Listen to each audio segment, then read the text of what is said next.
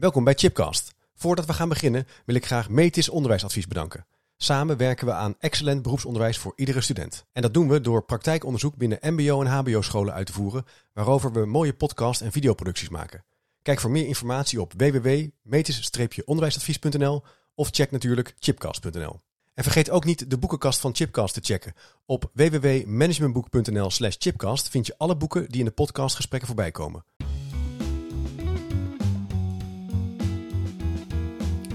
Welkom bij Chipcast, een podcastserie waarin ik op zoek ga naar verrassende antwoorden en nieuwe perspectieven op vraagstukken die mij bezighouden. Leuk dat je luistert naar een nieuwe aflevering of misschien wel kijkt. Ik zit nu in de studio, ofwel mijn uh, zolderkamer. Vanwege de coronamaatregelen is deze podcast met mijn gast Martin Ringenal dus online en dus op afstand opgenomen. Uh, ik vond het ontzettend leuk om Martin uh, in dit gesprek uitgebreid te bevragen op zijn vakmanschap. Hij is uh, tweede graads leraar Duits al sinds 2004. Hij heeft verschillende Facebookgroepen en uh, ja, sociale platforms opgericht om het te hebben over ja, goed onderwijs geven. Onderwijs geven zonder dat je cijfers geeft, maar dat je evidence-informed les geeft. Hij heeft daar een uh, best interessante leerroute in, in gevolgd, ook persoonlijk. Um, en hij is zeer actief ook op Twitter om het vak Duits ook te promoten. Is onder meer ook spreker geweest op ResearchEd.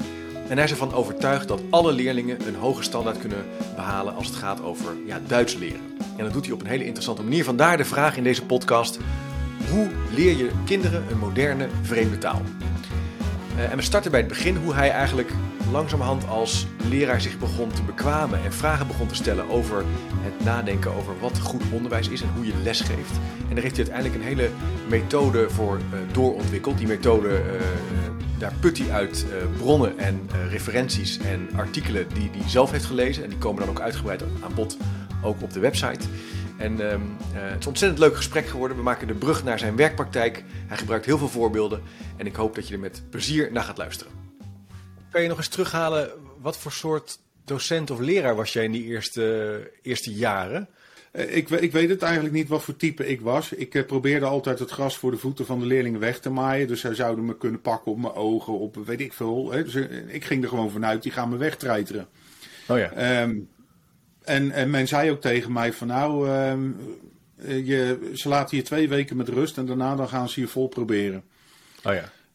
En uh, ja, ik weet niet, ik, uh, ik ben gewoon uh, mijn best gaan doen. En ik had me voorgenomen van ja, dit moet niet falen. Er is een kleintje op komst, ik heb een gezin te voeden. Dit, dit moet gewoon lukken. Ja. En ja, ik ben gewoon met het boekje begonnen en heb de leerlingen zo goed mogelijk geprobeerd alles uit te leggen.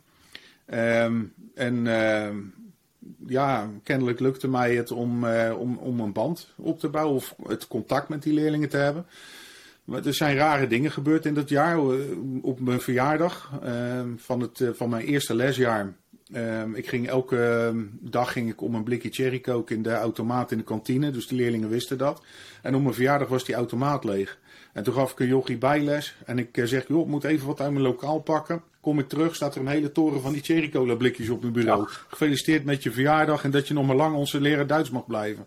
En toen dacht ik van, verrek, ik heb toch wel ergens iets goeds gedaan dan. Ja. En dat maakt uiteindelijk dat ik ook heb gezegd van, oké, okay, dan blijf ik hier en uh, uh, dan ga ik ook de leraaropleiding doen. En, uh, maar ja, doordat ik dan niet die voltooide academische opleiding had, is het een tweede graadsopleiding geworden.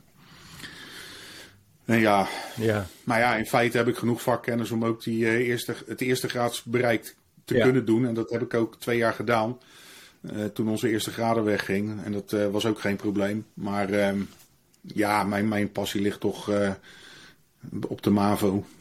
Ja, want daar geef je ook les. Ja. En wat ik heel Ja. interessant vind, ik, ik volg jou nu al, ik denk nou, best wel een aantal jaren op Twitter. Met heel veel plezier, omdat je heel specifiek twittert over hoe jij lesgeeft. En je gebruikt er ook eh, eh, soms spreadsheets, data, je vergelijkt dat ook met elkaar. Je koppelt ook feedback van, eh, van leerlingen terug. En dat is voor iemand. Ik heb ook les gegeven, maar ik ben misschien iets meer een generalist. Is dat ontzettend interessant om, een, een, om, om zo'n inkijkje te krijgen in zo'n taal. En hoe je dat eigenlijk overbrengt. Ehm, zou je iets kunnen zeggen over. Want die vraag die we willen verkennen nu is: hoe doseer je kinderen een moderne vreemde taal? Maar jij zei toen in de voorbereiding ook: het is wel belangrijk om even dan een paar jaar terug te gaan. Om de historie naar deze vraag en jouw eigen ontwikkelingen ook te schetsen. eh, op het punt waar je dan ook nu staat. Zou je, daar eens, zou je dat eens, ons, mij eens willen meenemen daar nog eens in? Kun je dat nog iets... Nou, dus jij zei op een gegeven moment van, uh, we hebben, hè, hoe leren kinderen? Daar zei je van, ja, ik was een aantal jaren geleden, had ik een andere basiskennis daarover dan dat ik dat nu heb. Ik heb een hele ontwikkeling doorlopen eigenlijk in zekere Nee, dat, dat, dat, dat is juist. Kijk, um, de, de eerste drie jaar ben je eigenlijk uh, um, ja, aan het overleven. Hè? Je, je ben je positie aan het uh, ja, verkennen, aan het bepalen binnen school. zorgen dat je tot het meubilair behoort. Hè? dat. En, um, en dat is eigenlijk als je één generatie hebt weggewerkt op school. Want dan is er niemand meer die jou nog kent vanuit je eerste lesjaar. En dan ben je eigenlijk gesetteld. Zo, zo zag ik dat. Ja. En, en, zo bleek het ook wel te gaan. Um, en dan uh, gaat, doet de mond-op-mond reclame doet de rest. Dus uh, leerlingen die krijg ik pas in de tweede klas binnen. Maar ze kennen je al in de brugklas. Nou, en op, uh, op, op het moment dat je zover bent, dan, en je hebt al die tijd eigenlijk als houvast het lesboek gehad. Hè? De, ja. Je komt op een school en dan werkt ze met een methode van een uitgever.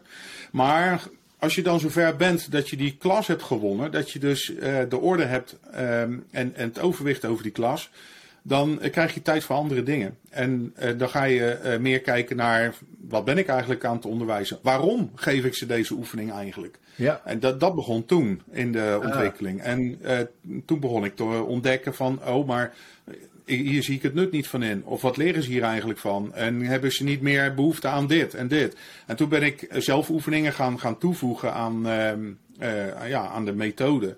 En op een gegeven moment, um, nou was het 2010 denk ik, um, moesten we eigenlijk naar een nieuwe methode. Hè, want die gaan vier, vijf jaar mee op een school. En um, ik vroeg me werkelijk af met alles wat we eromheen hadden gecreëerd. We hadden ook inmiddels een ELO goed gevuld met digitaal materiaal.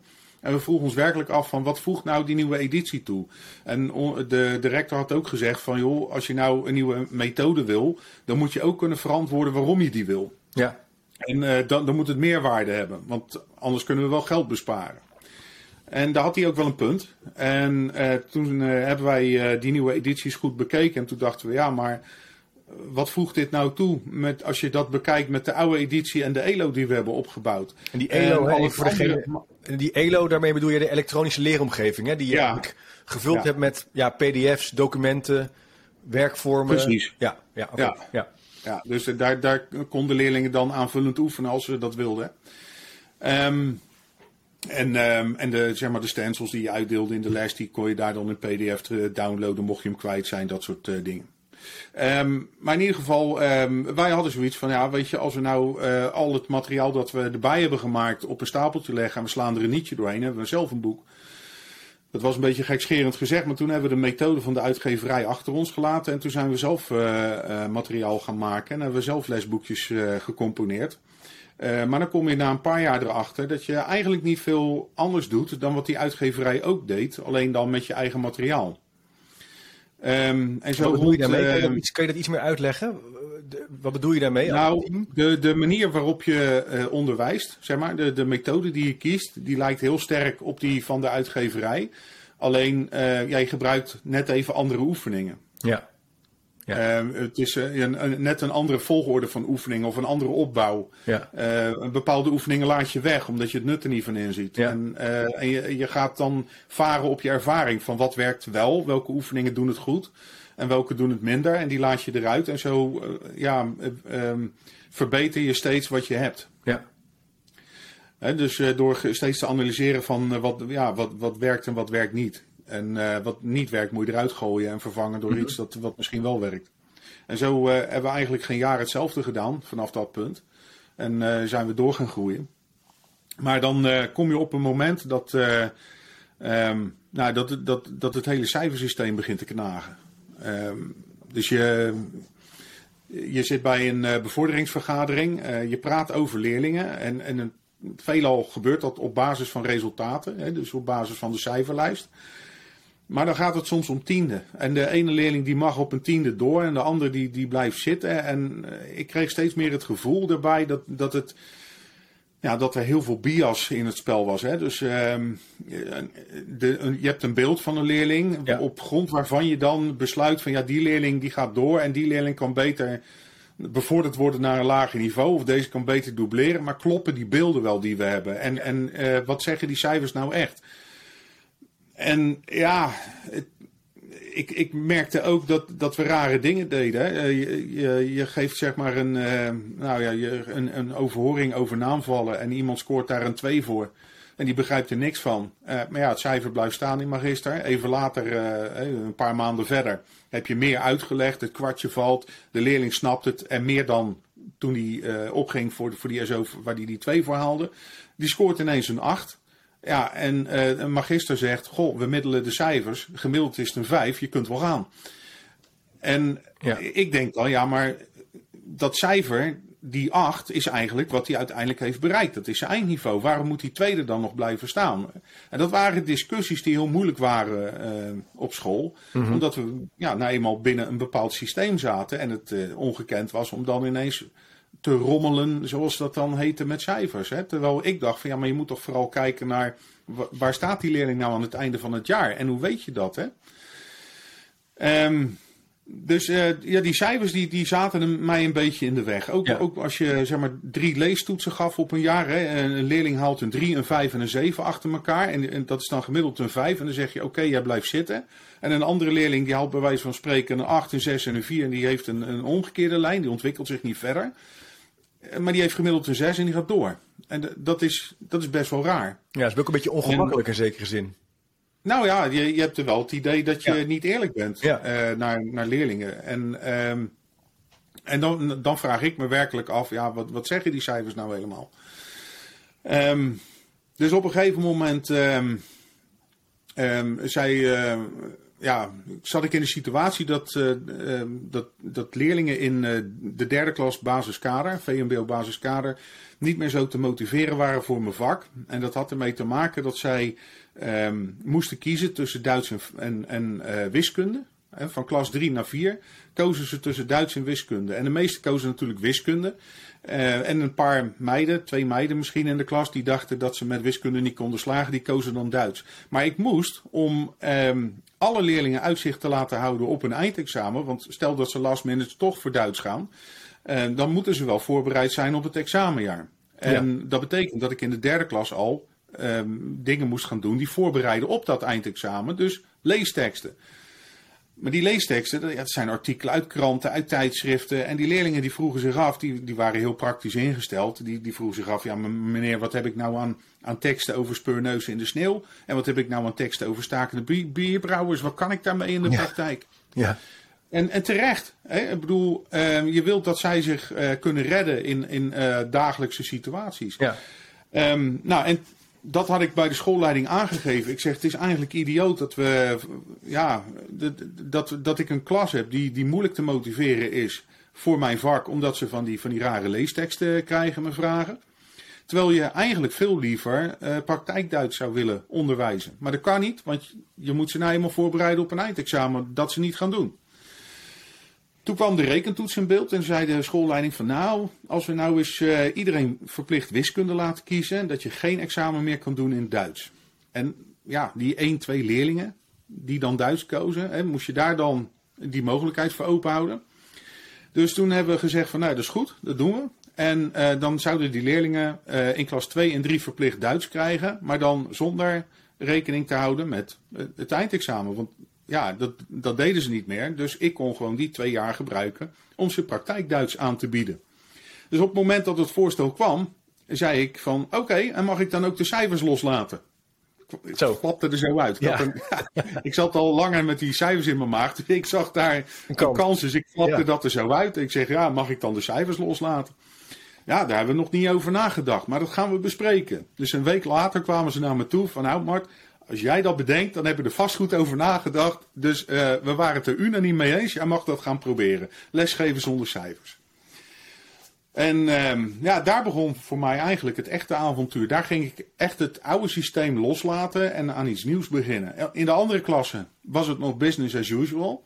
Maar hier in het VMBO mocht ik ineens iets anders gaan doen. En, ik, kan me uh, voorstellen, Martin, als je dat dus loslaat, dat je ook een soort terug wordt geworpen op fundamentele vragen. Zoals hoe weet je nou of een leerling of een kind een bepaalde stof beheerst? Uh, ja. Wanneer doe ik het goed als docent? Uh, wanneer kan ik een dus, besluit uh, nemen om ze verder te laten gaan?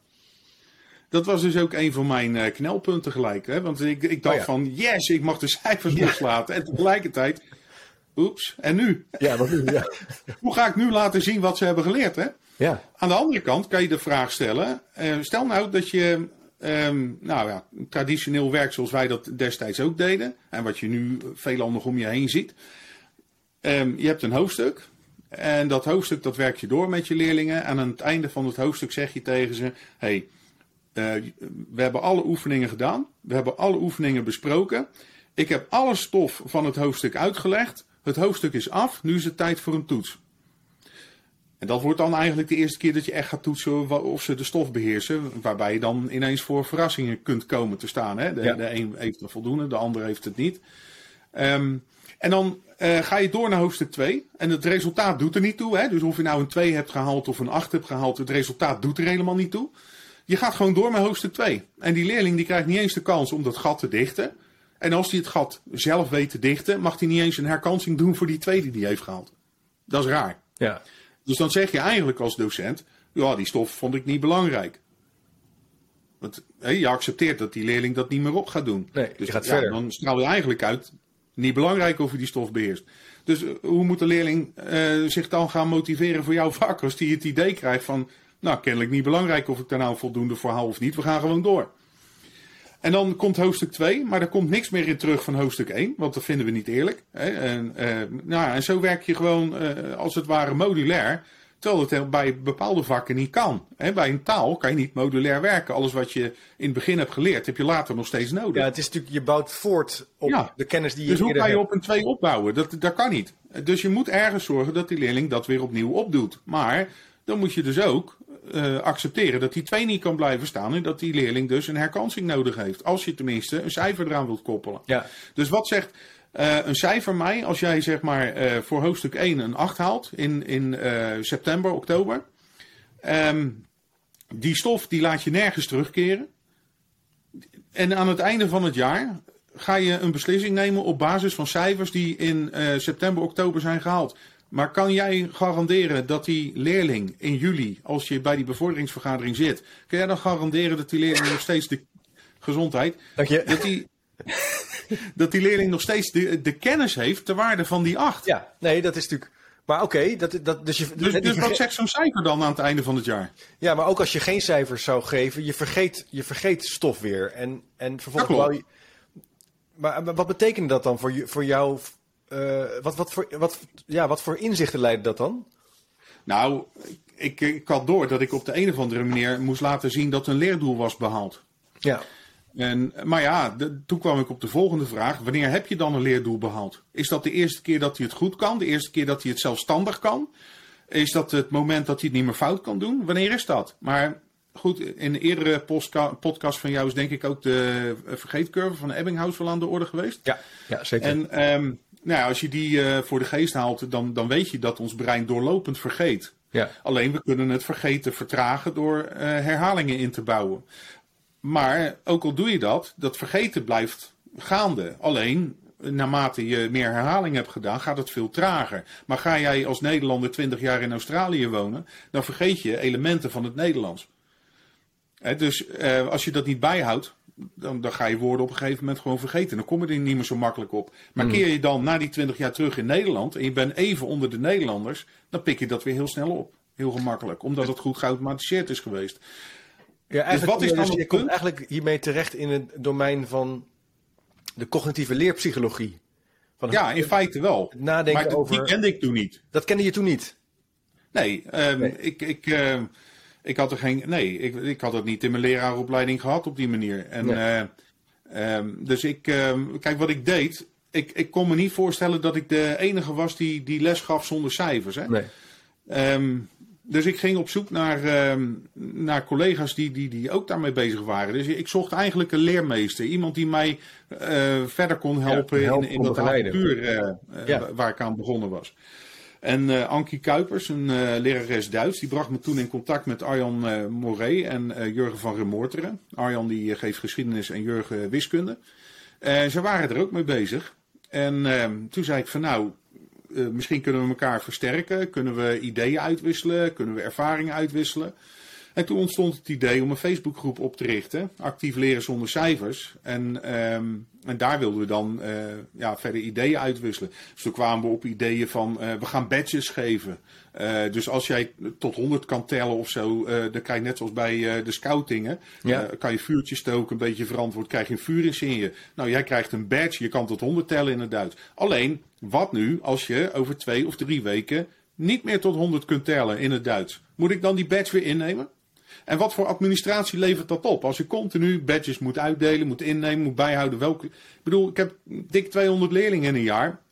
Um, voor al die onderdelen, voor al die leerdoelen, badges uitdelen, innemen. Enorme administratieve rompslomp. Dus dat, dat werkte ook niet. En, en zo bleef je eigenlijk zoeken naar uh, middelen om toch aan te tonen waar ze dan zouden zitten. En ik moet je heel eerlijk zeggen dat, dat ik daar niet echt een, een goed antwoord heb, op heb gevonden. Nee. Dus het is ook het, het, het, zoeken naar een bepaalde manier van verantwoording afleggen of kunnen vastleggen of er geleerd is. En of iemand nog die kennis kan reproduceren zonder dat je dat in een, in een 5.5, 5.4 doet. Waar je vervolgens weer niet meer naar kijkt. Maar een ander principieel punt is wat jij natuurlijk ook noemt. Is, ik wil dat die, dat die leerlingen uh, een bepaalde stof beheersen. Van 0 tot 100 tellen of een krant kunnen lezen. En als je dat wel kan in september, maar bent vergeten in oktober of in juni ja, dan is dat dus niet goed. Nee, dat, dat klopt er iets niet. Dus dat betekent dat, um, kijk, als je, als je die, um, die vergeetcurve van Ebbinghaus goed bekijkt en, en uh, ziet wat die uh, herhaalsessies doen, uh, dan moet je tot de conclusie komen dat je stof altijd moet blijven onderhouden tot aan het einde van de rit, totdat ja. iemand eindexamen doet.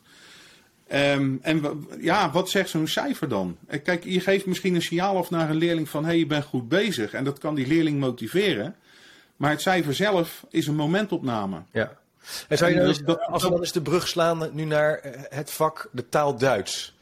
Ja. Um, hoe kijk je dan naar het lesgeven en het overdragen van, van, van, van die mooie taal aan die leerlingen? Hoe bedoel je? Nou, wat, moet je dan, wat, wat is dan een belangrijk uitgangspunt uh, hoe je eigenlijk die kinderen uh, doseert om uiteindelijk op het eind ja, die taal te beheersen of een bepaald einddoel of leerdoel behaald te hebben? Wat doe je dan? Uh, nou ja, sowieso de, de elementen uit de leerpsychologie toepassen. Maar dit, daar, daar kwam ik pas later op. Ja. Um, maar dat, dat is wel wat je doet. Je kijkt naar, naar voorkennis. Je activeert voorkennis. Eh, en als die er niet is, zul je die eerst moeten onderwijzen. Anders kun je niet bouwen op wat aanwezig moet zijn. Uh, vervolgens onderwijs je die stof, maar daar blijft het niet bij. Ze moeten uh, uitvoerig oefenen, zodat ze dat goed zelfstandig kunnen. Maar je moet er ook voor zorgen dat ze dat bij het eindexamen nog steeds kunnen. Ja. dus je, wilt, je moet dus zorgen dat dat uh, ja, actueel blijft. Dat, ja. dat, dat die, die, die stof regelmatig wordt geactiveerd. Ja. Um, zodat het niet in de vergetelheid raakt. En hoe, kan je een voorbeeld geven hoe je dat aanpakt dan? Dat, dat, dat, dat, dat voorkomen van dat wegzakken eigenlijk? Als je nou kijkt ja, door, uh, door ja. steeds oudere, uh, zeg maar, voorgaande stof opnieuw terug te vragen.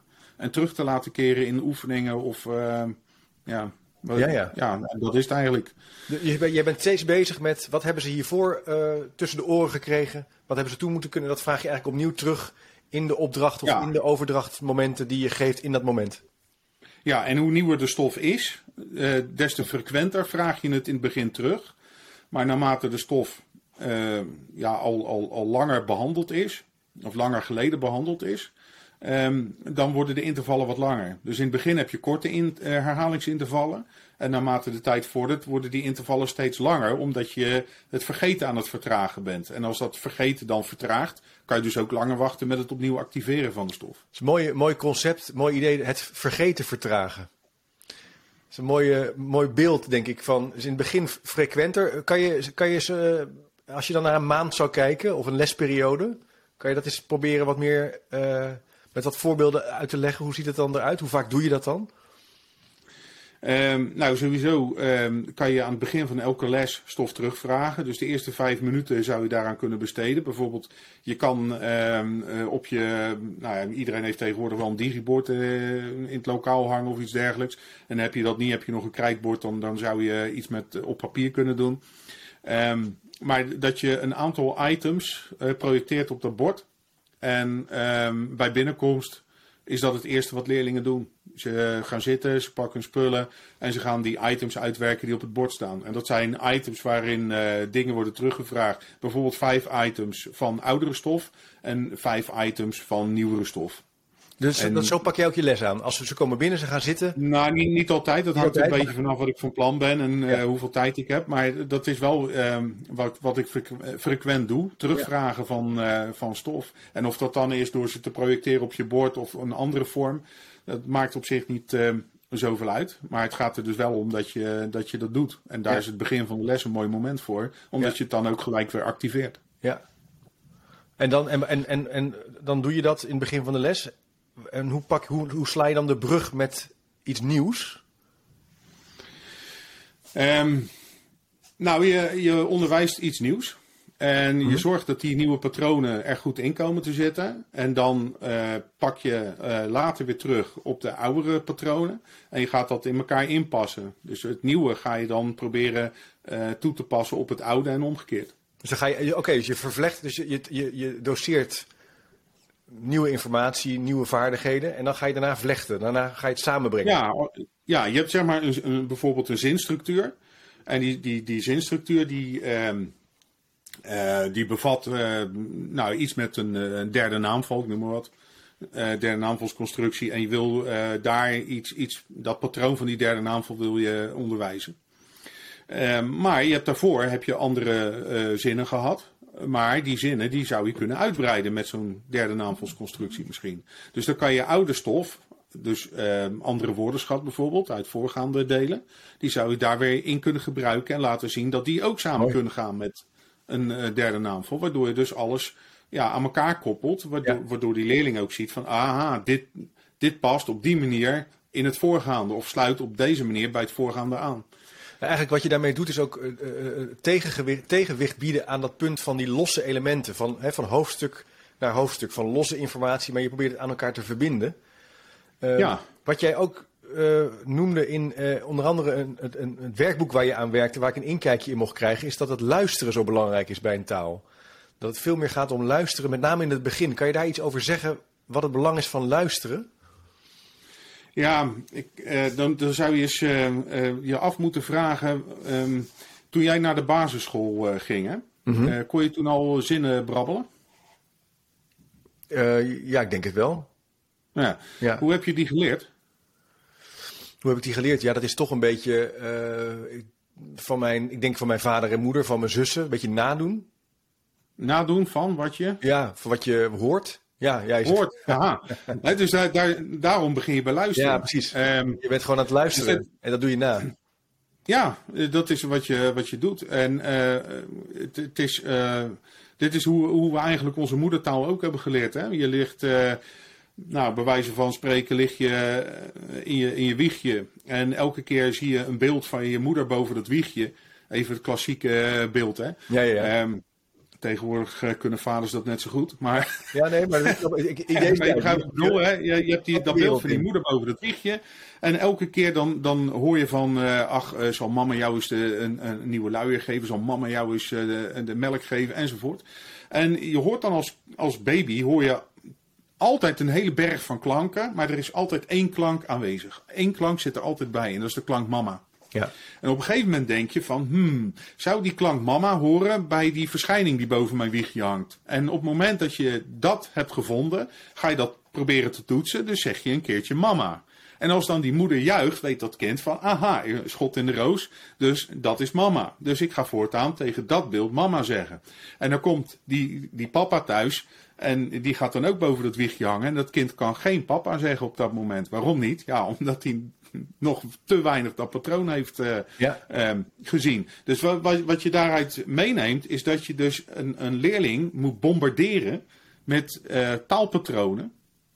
En dan eh, door het vele luisteren naar die patronen en ze proberen te begrijpen, Ja. kun je ze dus ook redelijk makkelijk nabootsen. Kijk, het is makkelijker Ja. als ik een Duits woord zeg dat jij hem naspreekt, dan wanneer ik hem je op papier laat zien en dat jij hem vanaf papier moet nabootsen.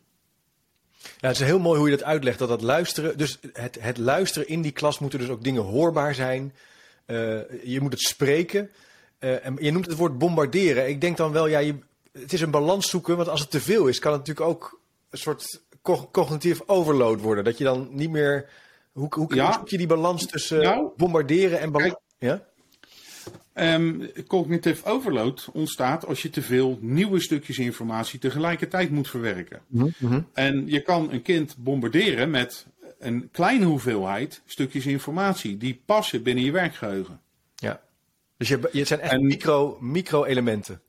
Ja, Dus, dus als je ervan uitgaat, uh, ik neem aan dat uh, die, die cognitieve belastingtheorie ook uh, in een van je podcasts wel aan, aan de orde is geweest. Um, je, je, hebt, uh, je, je kunt met drie of vier stukjes nieuwe informatie tegelijk denken en verwerken. Ja. Um, en uh, ga je daar buiten, dan, dan uh, vindt leren niet meer plaats. Dan, dan komt dat niet meer goed in je lange termijn geheugen terecht. Dus je, je moet je echt beperken tot um, ja, die, die hoeveelheid. Je moet binnen dat bereik van, van je werkgeheugen blijven. Maar dat kan als je, zeg maar, een paar chunks aanleert. Ja. Dus we zouden bijvoorbeeld uh, drie, vier woorden kunnen pakken. Maar je kan ook drie of vier chunks pakken. En een chunk kan bestaan uit misschien drie of vier woorden. Waardoor je uh, de hoeveelheid die past binnen dat werkgeheugen alweer een beetje vergroot. Ja, wat je dus ook zegt, je kan dat dus uh, hoorbaar maken visueel maken, hoorbaar maken, nadoen. En zo bereid je eigenlijk dat repertoire uit. Ik moet denken, ik zal ook even een linkje plaatsen naar de podcast met Paul Kiersner over hoe leren werkt. Want daar hebben we ook uitgebreid over gesproken. Ik vond het ontzettend inzichtelijk, ook omdat het ook gekoppeld is aan kapstokken. Je hebt, ons brein heeft een aantal kapstokken. En die kan je langzaam uitbreiden. Daar kan je nieuwe kapstokjes aanmaken. Maar dat vraagt wel inderdaad systematisch en niet te veel. Want dan raak je het helemaal kwijt. Dat is overigens ook zo voor, bij volwassenen. Ik merk het zelf ook als ik lesgeef. Als ik heel te enthousiast te veel theorie ga overbrengen aan studenten of aan schoolleiders, ja, dan gaat het langzaam het kaarsje uit. Het is, het is niet bij te houden. Ik heb het zelf ook um, met, met nieuwe dingen. Dus dat is natuurlijk wel belangrijk. Daar moet je dus wel heel bewust van zijn in die taaloverdracht, zou je kunnen zeggen, Martin. Nou ja, eigenlijk bij elk vak. Hè, maar... bij elk vak, ja, bij elk vak, ja. Ja, nee, dat, dat is eigenlijk. Ja, ik weet niet meer wie het was. Ik dacht Dylan William, die zei van uh, cognitive load theory is the single most important thing to know as a ja. teacher. Ja. Het is het meest belangrijke uh, om, om te kennen. En ja. Um, ja, voor mij ging daar ook wel een wereld open. Ik heb dan gelukkig ook een een lezing van eh, John Sweller zelf uh, mogen bijwonen. Uh, en ja, wie kan het beter uitleggen dan, dan de man himself? Ja. Uh, Sweller als grondlegger van die theorie. Ehm, Martin, als we nou eens het bruggetje maken naar misschien even een grote stap, maar ik zou hem toch wel even willen doen als je kijkt nu. Jij stuurde me een aantal linkjes door van moderne uh, werkboeken uh, waar Duits wordt gedoseerd. Uh, maar bijvoorbeeld, en dat zijn vaak enorme visuele spektakels. Um, ja. Kleurrijk. Ik heb er eerder ook wel wat over geschreven over de, de lessen die worden gegeven rondom rekenen op de basisschool. Dat zijn bijna complete PowerPoint-presentaties en het ziet er prachtig uit. Je zou je kunnen afvragen of dat dan behulpzaam is bij het overdragen van die taal. Hoe kijk jij daar nou, naar? Daar heb ik wel een hele uitgesproken mening over. Kijk, als je die uh, cognitive load theory in, in oogschouw neemt, ja. Uh, dan wil je dat er zo min mogelijk uh, cognitive load verloren gaat. Of dat er te, je wil niet dat er te veel belasting ontstaat door dingen die niet ter zake doen. Kijk, alles wat bijdraagt aan wat er geleerd moet worden, ja, dat is mooi. En dat moet je proberen in te passen binnen dat bereik van je werkgeheugen.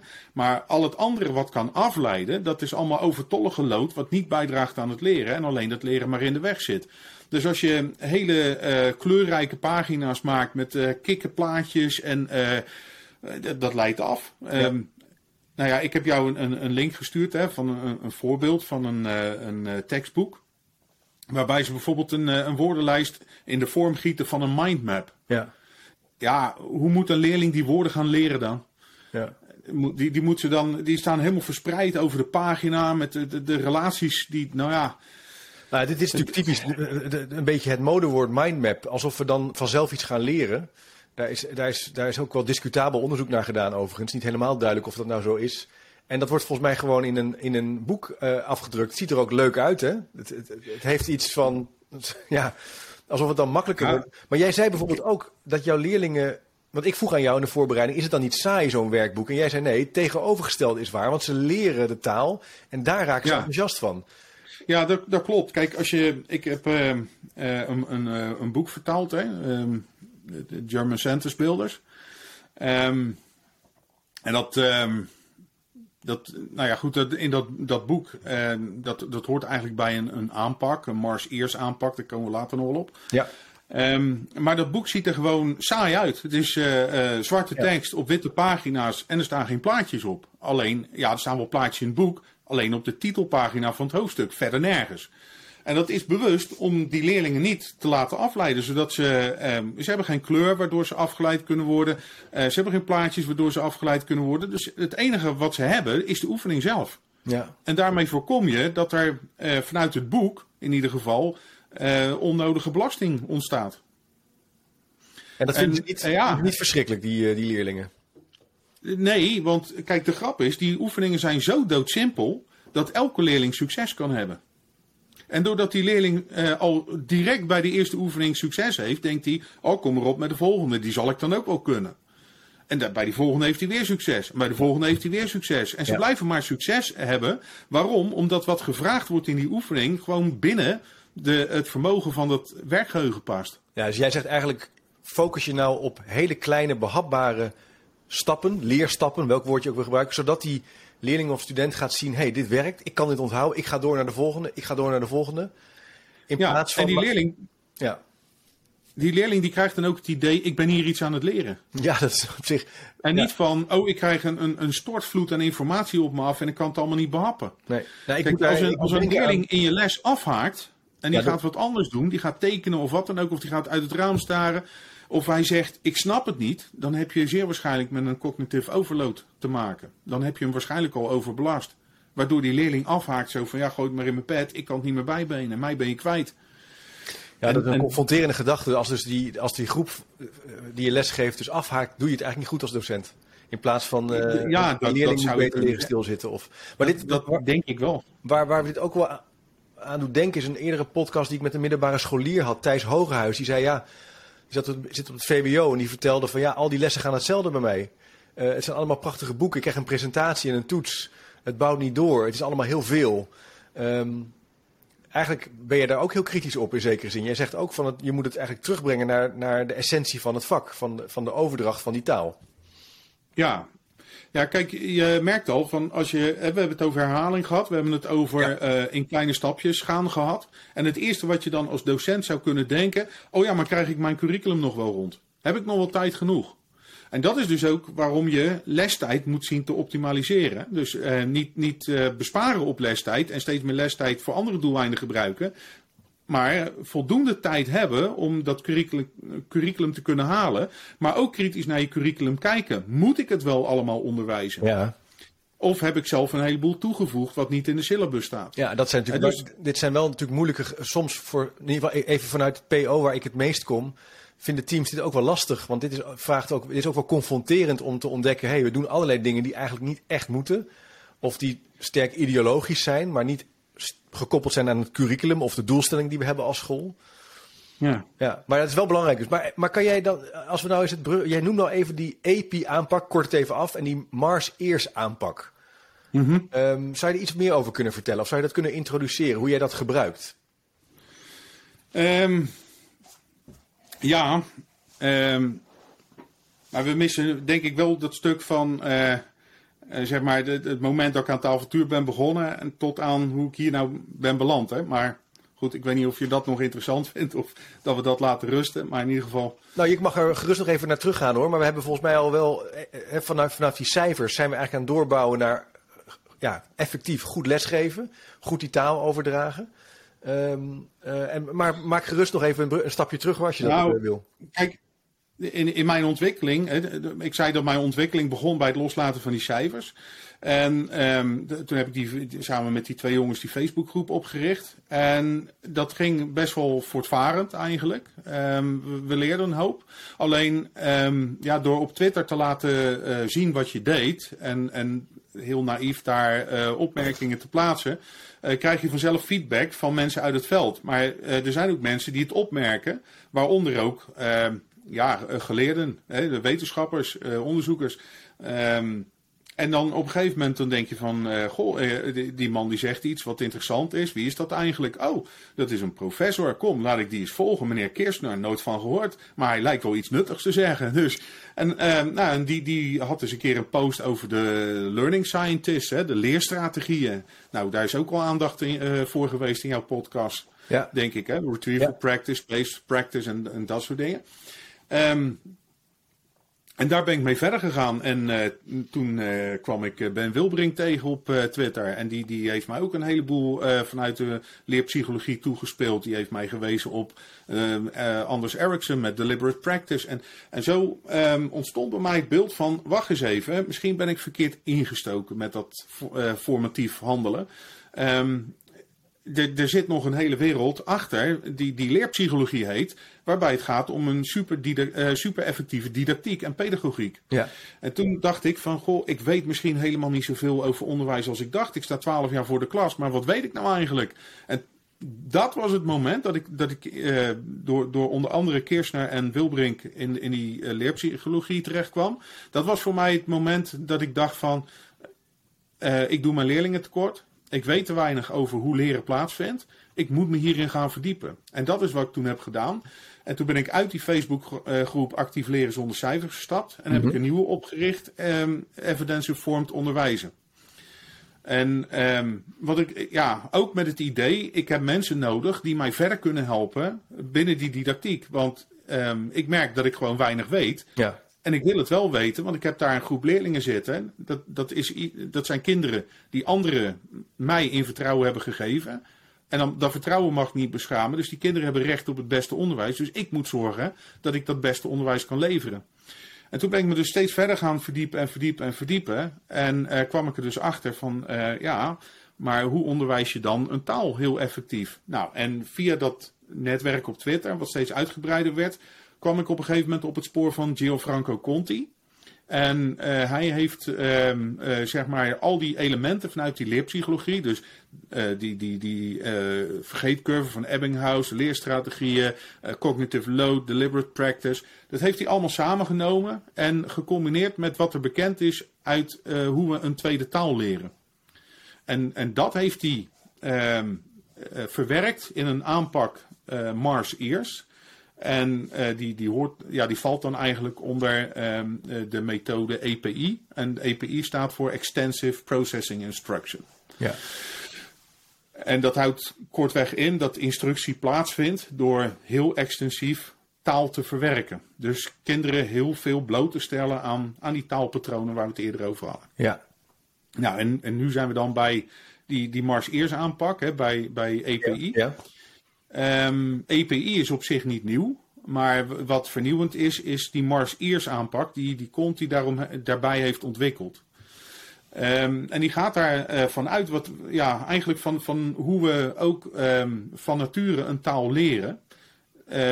Jij hebt van nature het Nederlands geleerd.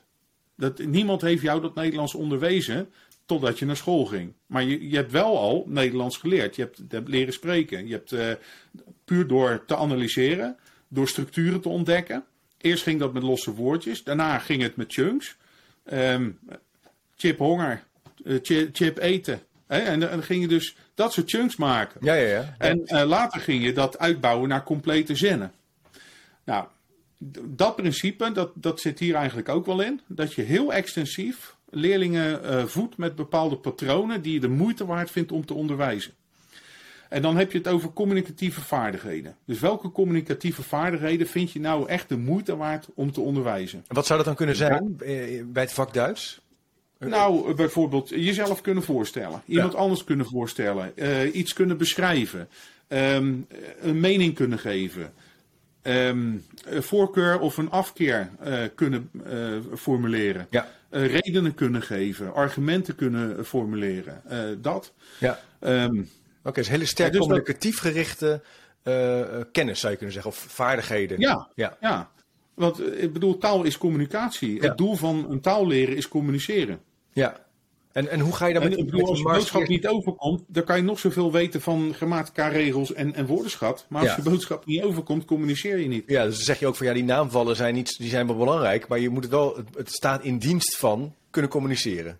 Ja, absoluut. Dus um, nou noem je dit, grammatica. Dan kan ik een heel mooi voorbeeld geven van uh, hoe cognitive load theory werkt bij uh, een vreemde taal. En waarom docenten soms uren en uren besteden aan het onderwijzen van die naamvallen.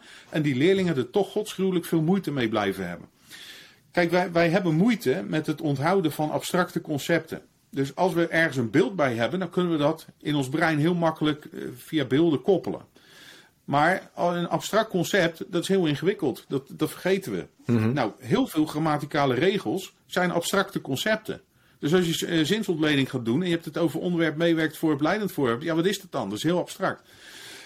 Nou, um, nou wil ik bijvoorbeeld onderwijzen um, dat hij een leerling kan vertellen waar hij woont. En een, een, beetje iets meer. Dus hij, uh, ik werk op een eiland. Dus die leerlingen die ik heb, die wonen over het algemeen op een eiland. Dus ik wil dat ze kunnen zeggen, ik woon op een eiland. Nou is ik woon niet zo ingewikkeld, maar op een eiland wel. Want op is dan auf en auf is een keuzevoorzetsel. Een keuzevoorzetsel kan derde of vierde naamval krijgen. Ik denk dat ik nu al een heleboel luisteraars kwijtraak. Dan heb je al een idee hoe complex het eigenlijk is. Ja. Om het de juiste vorm van het lidwoord te vinden, moet een leerling dus bedenken: Auf is een keuzevoorzetsel. Die kan derde of vierde naamval krijgen. Hij krijgt derde naamval als het een zich bevinden uitdrukt of een tijdsbepaling. Hij krijgt vierde naamval als het een beweging ergens naartoe uitdrukt. Ik woon op een eiland. Oh, dat is een zich bevinden. Dus moet ik derde naamval hebben. Um, ik moet het geslacht weten van eiland. Insel is vrouwelijk. En ik moet weten, wat is nou de derde naam van vrouwelijk? En heb ik dan een bepaald uh, lidwoord nodig of een onbepaald lidwoord? Uh, op ik woon op een eiland. Oh ja, dat is onbepaald. Dus dan moet ik derde naam voor vrouwelijk, einer hebben. Auf einer Insel. Nu snap je wel dat dat brein in, split, in een split second al deze denkstappen moet zetten als je iemand onderwijst vanuit die abstracte regels. Ja. Hoeveel, fout, hoeveel fouten kunnen erin gemaakt worden? Ja, dat is als je zoveel stappen moet doorlopen. Dat is ontzettend foutgevoelig. Maar ja, um, dan? Nou, dan zeg je gewoon tegen dat kind: op een eiland is auf einer Insel. En je leert dat op een eiland auf einer Insel is. Hoe vaak heb je nou die constructie in de vierde naamval nodig? Ja. ja. Wanneer ga je die tegenkomen? Dus eh, zolang dat niet is, kan je gewoon zeggen: Ik woon op een eiland, ich wohne auf einer Insel. En wat, wat zie ik nu in de vierde klas terug? Dat ze er niet meer over nadenken, maar gewoon opschrijven in der Nähe von auf einer Insel, in einem Restaurant. Waarom? Ja, omdat ze dat als chunks zo hebben geleerd. Die denken daar niet meer bij na, die schrijven dat gewoon op. Die doen dat gewoon En die chunks, die zijn heel makkelijk te, te automatiseren. dus een chunk is eigenlijk een, een, groep van woorden die grammaticaal gezien eh, bij elkaar passen en ook in de juiste vorm op elkaar afgestemd zijn. Hè?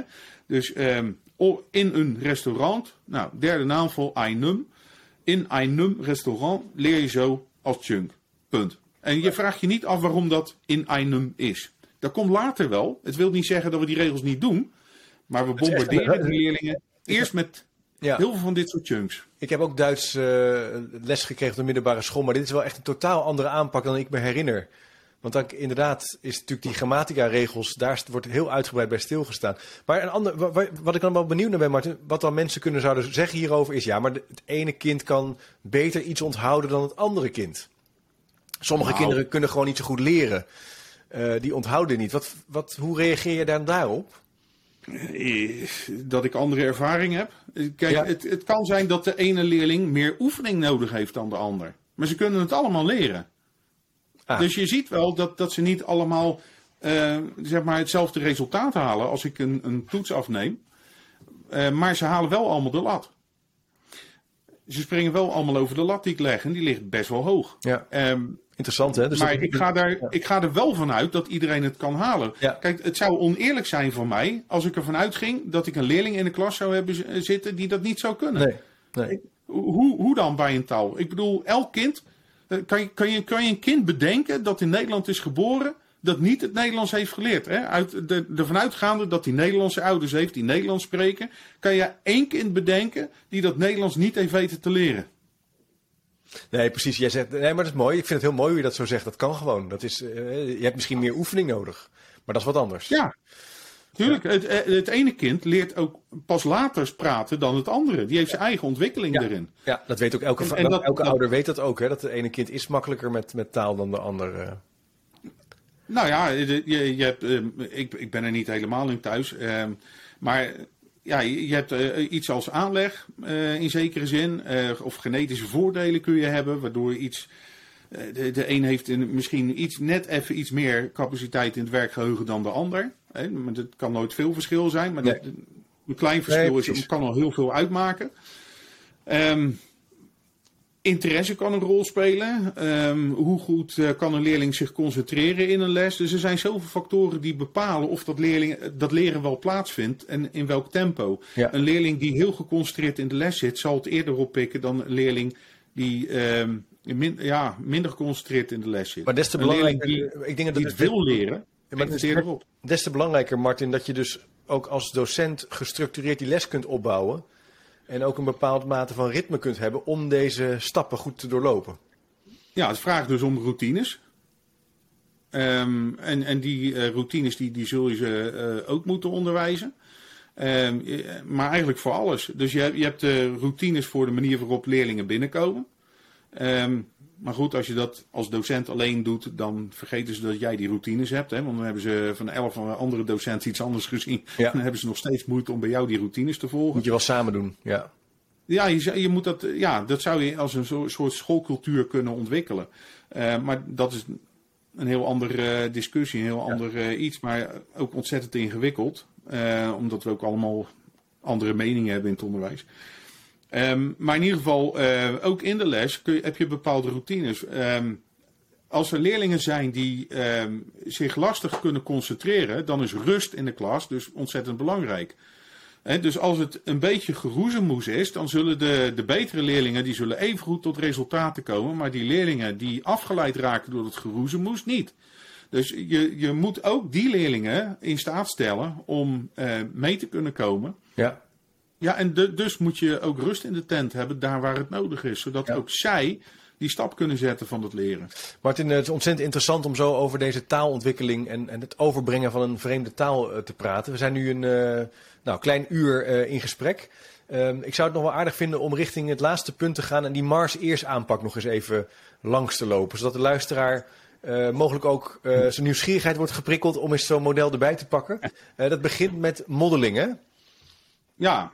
Ja, kijk, het mooie van die Mars Ears aanpak is dat je eigenlijk alles van, vanuit die leerpsychologie daar weer in Ja, terugziet. precies.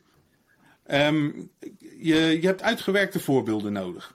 Dat, dat, weten we vanuit e- een van die eh, zes leerstrategieën van de Learning Scientist. Eh, eh, hoe heet ze ook weer? Concrete examples. Ja, Uitgewerkte voorbeelden. Ehm, in feite, als je begint met een taal, dan weet die leerling misschien niks. Dus ehm, hoe ga je dan de allereerste woorden erin krijgen? Nou, je, ga, je geeft ze een blad. Ehm, dat is in dat eh, boek is dat zeg maar eh, het schema. Aan het begin van elk, elk hoofdstuk begint met een schema. In dat schema staan de zinspatronen die je gaat leren. Ehm, en dan staat daarbij de vertaling in het Nederlands. Dus wat doe je? Je gaat eerst Duitse zinnen oplezen. En die leerling kan aan de hand van het schema precies volgen wat die zin betekent, omdat die vertaling eronder staat. En nou heb je in een zin heb je een, een functie en een notie. Bijvoorbeeld de functie kan zijn ehm, vertellen hoe je heet. En dat bestaat uit de woorden ich heiße. En de notie is de naam. En die naam die kan steeds anders zijn. Eh, de functie is vertellen hoe oud je bent. Ich bin hm, jaren alt. En de notie is dan die leeftijd die je kunt invullen. Dus dan moet je kunnen tellen van 1 tot en met eh, weet ik veel hoeveel. ja. Ehm, en en, en dat, dat is het, het modelleren. Dus je gaat die, die eh, zinnen ga je bijvoorbeeld eh, oplezen. En de leerlingen moeten proberen aan de hand van het schema die te vertalen naar het Nederlands. Dat doe je een aantal keer. Dus je bent heel receptief bezig. Maar die woorden, naarmate je steeds meer zinnen bouwt, eh, die, die, die slijpen erin. Onbewust. D- dus je bombardeert ze eerst met, met tig keer. eh ich heiße Petra, ich bin 15 Jahre alt. Ich heiße Nick, ich bin 13 Jahre alt. Ich heiße Uli, ich bin 12 Jahre alt. Enzovoort. En continu dezelfde patronen. Nou, als je die patronen tig keer voorbij ziet komen en je hebt ze tig keer moeten vertalen met behulp van de vertaling die eronder staat, Nou, op een gegeven moment heb je die vertaling die eronder staat niet meer nodig. En dan, uh, dan zitten die woorden er redelijk in, receptief. Dan kom je in die fase uh, van uh, de, de A van uh, Mars Ears, mm -hmm. acquiring. Dan, um, dat is wat, wat Conti noemt de pop-up grammar. Dan ga je wijzen op kleine grammaticale dingetjes. Maar je gaat niet uitvoerig die grammatica-regels behandelen. Je wijst op verschillen. Bijvoorbeeld, er staat: um, Mijn broeder heist Anton. Meine Schwester heist Lisa. En dan zie je een verschil tussen mijn en meine. Dan ga je niet in één keer alle bezittelijke voornaamwoorden uitleggen en de regels en hoe dat allemaal werkt. Dat is veel te abstract. Nee, je wijst bijvoorbeeld alleen even op dat verschilletje. Let op, mijn gebruik je bij mannen, meine bij vrouwen. Punt. Klaar. That, that's it. En dat is op dat moment even genoeg voor wat ze nodig hebben om die patronen te leren. Dat ze daar al een bewustzijn creëren van, oh ja, daar zit een grammaticaal aspect onder. Als dat uh, gedaan is, dan ga je naar uh, de R. En dat is uh, reading as modeling. Ja, ja. Dan krijg je leestekstjes. Maar die leestekstjes die je krijgt, die bestaan uit puur de woordenschap die je op dat moment hebt gehad. Dus 95% is begrijpelijk van die leestekst. Dat is ook precies wat Daniel Willingham aangeeft. Hè? wil een, een, een leerling zelfstandig een tekst kunnen lezen, moet hij 95% van de woorden in die tekst kunnen begrijpen. Ja. En die teksten zijn dus ook zo opgebouwd. Die leerling kan dus die tekst volledig begrijpen. En doordat hij die tekst leest, slijpen die patronen weer opnieuw in. En hij maakt er vragen bij. Alleen niet zoals we dat uh, bij, bij uh, CITO doen in die eindexamens. Maar meer van uh, zoek nou eens in die tekst het Duits voor deze Nederlandse woorden.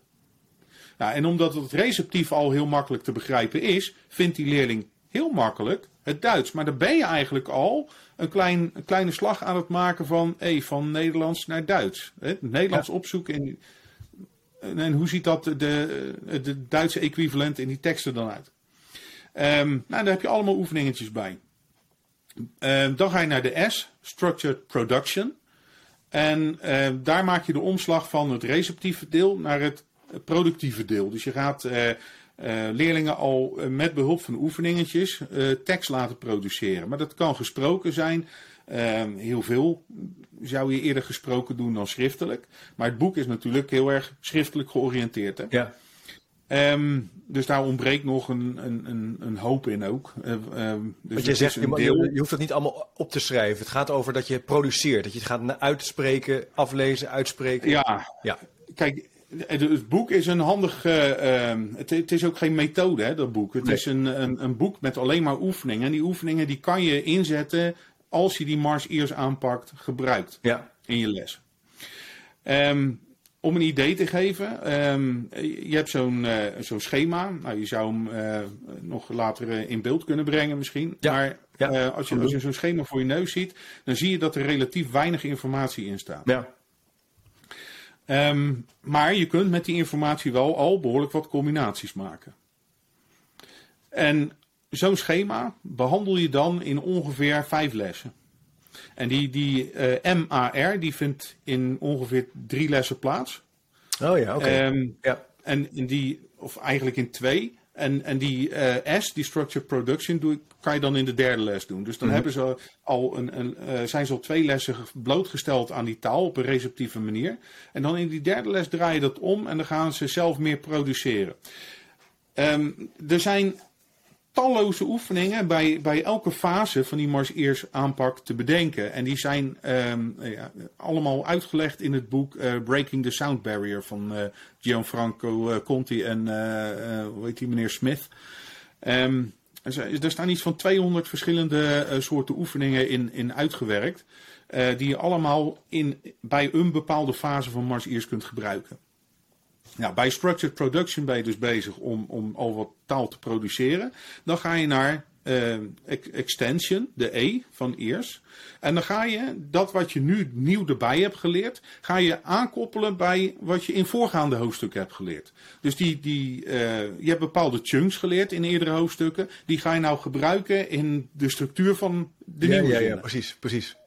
Of je gaat de woordenschat die je in uh, het nieuwe hoofdstuk hebt ge geleerd, ga je toepassen in de structuur van de voorgaande hoofdstukken. En, dus, en dat is dat vervlecht, hè, waar je het eerder, eh, wat je eerder zo uh, benoemde. Ja. Ehm, nou, en dan heb je ehm, de, moet ik het goed zeggen, de A. Ja, Ehm, autonomie? aut- ja, autonomie. Dat is het moment dat je een toets geeft om te kijken of die leerlingen dit nu op eigen benen kunnen. Dus ze hebben dan Ah, oké. zeg maar, een les of vier, Ja. hebben ze zitten oefenen ermee. En dan ga je kijken van, eh, juist doordat het maar heel weinig zinstructuren zijn per hoofdstuk, Mhm. eh, kunnen ze dat dus ook snel verwerven. En eh, nou, dan doe je een test van eh, wel- welke structuren kunnen ze nou zelfstandig? Eh, hoe zit dat receptief? Hoe zit dat productief? Eh, wat zit er al in en wat nog niet? Nou, Oké, wacht even. Martin, dus je doet het op twee manieren. eh, Receptief, productief. En wat voor soort test doe je dan? Doe je dat dan schriftelijk of ga je dat, kan je dat ook uitvragen?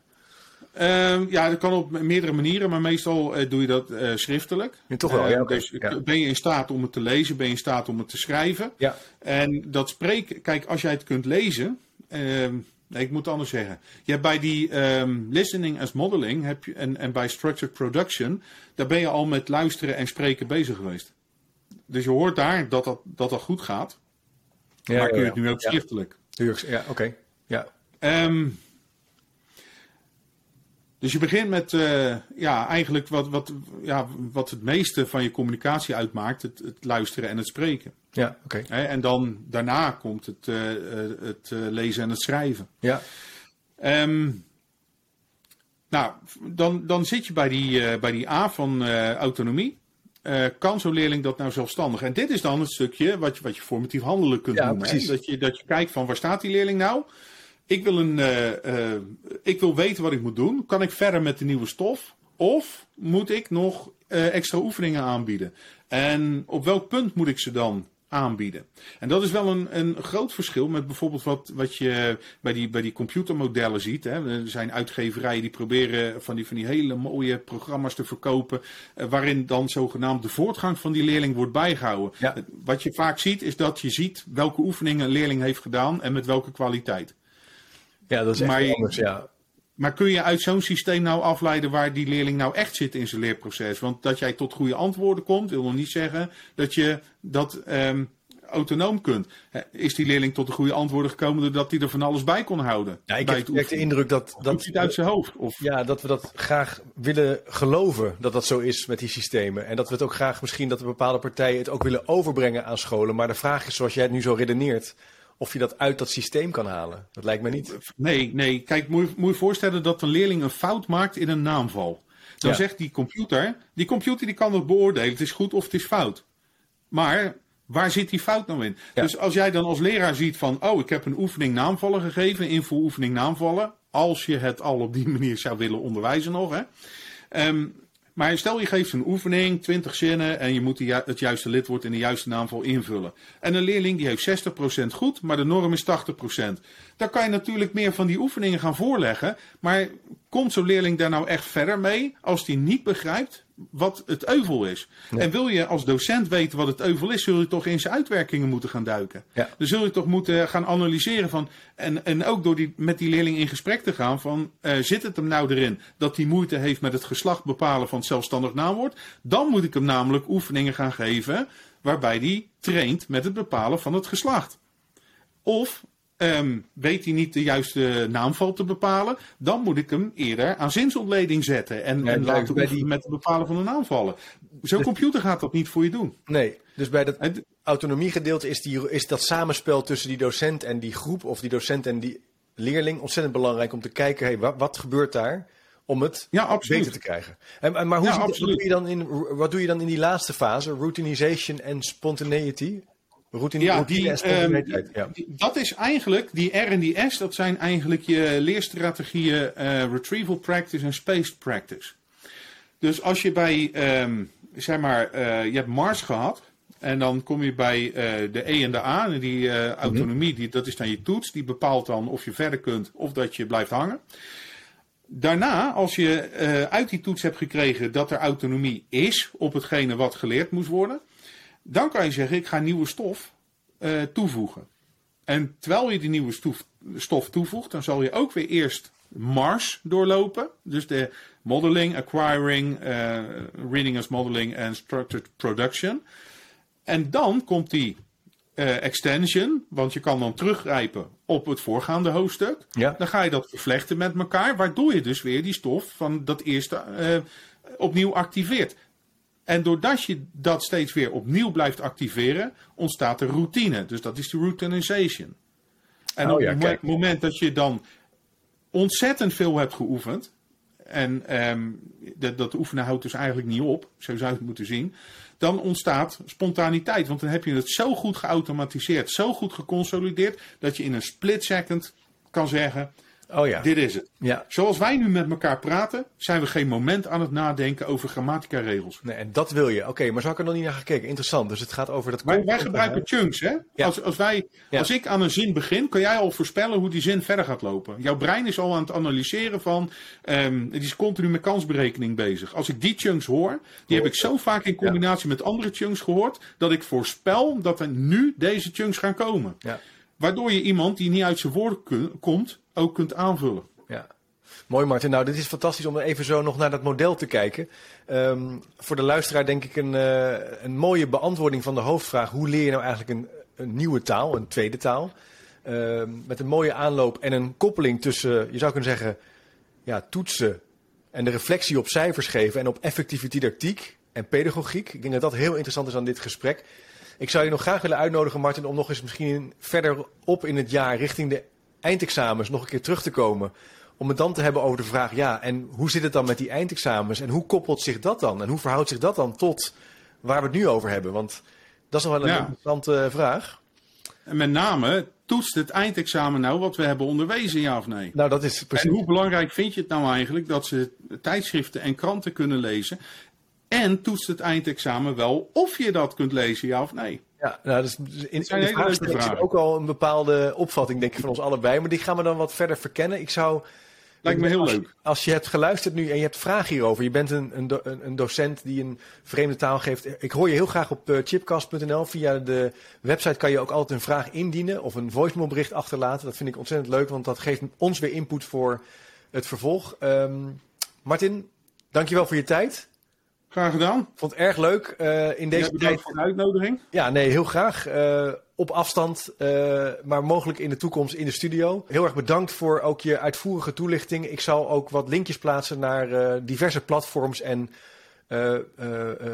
nou ja, producties, noem ik het maar even, die je hebt gemaakt rondom het, het leren van Duits. En die zal ik ook even in de YouTube eh, comments plaatsen.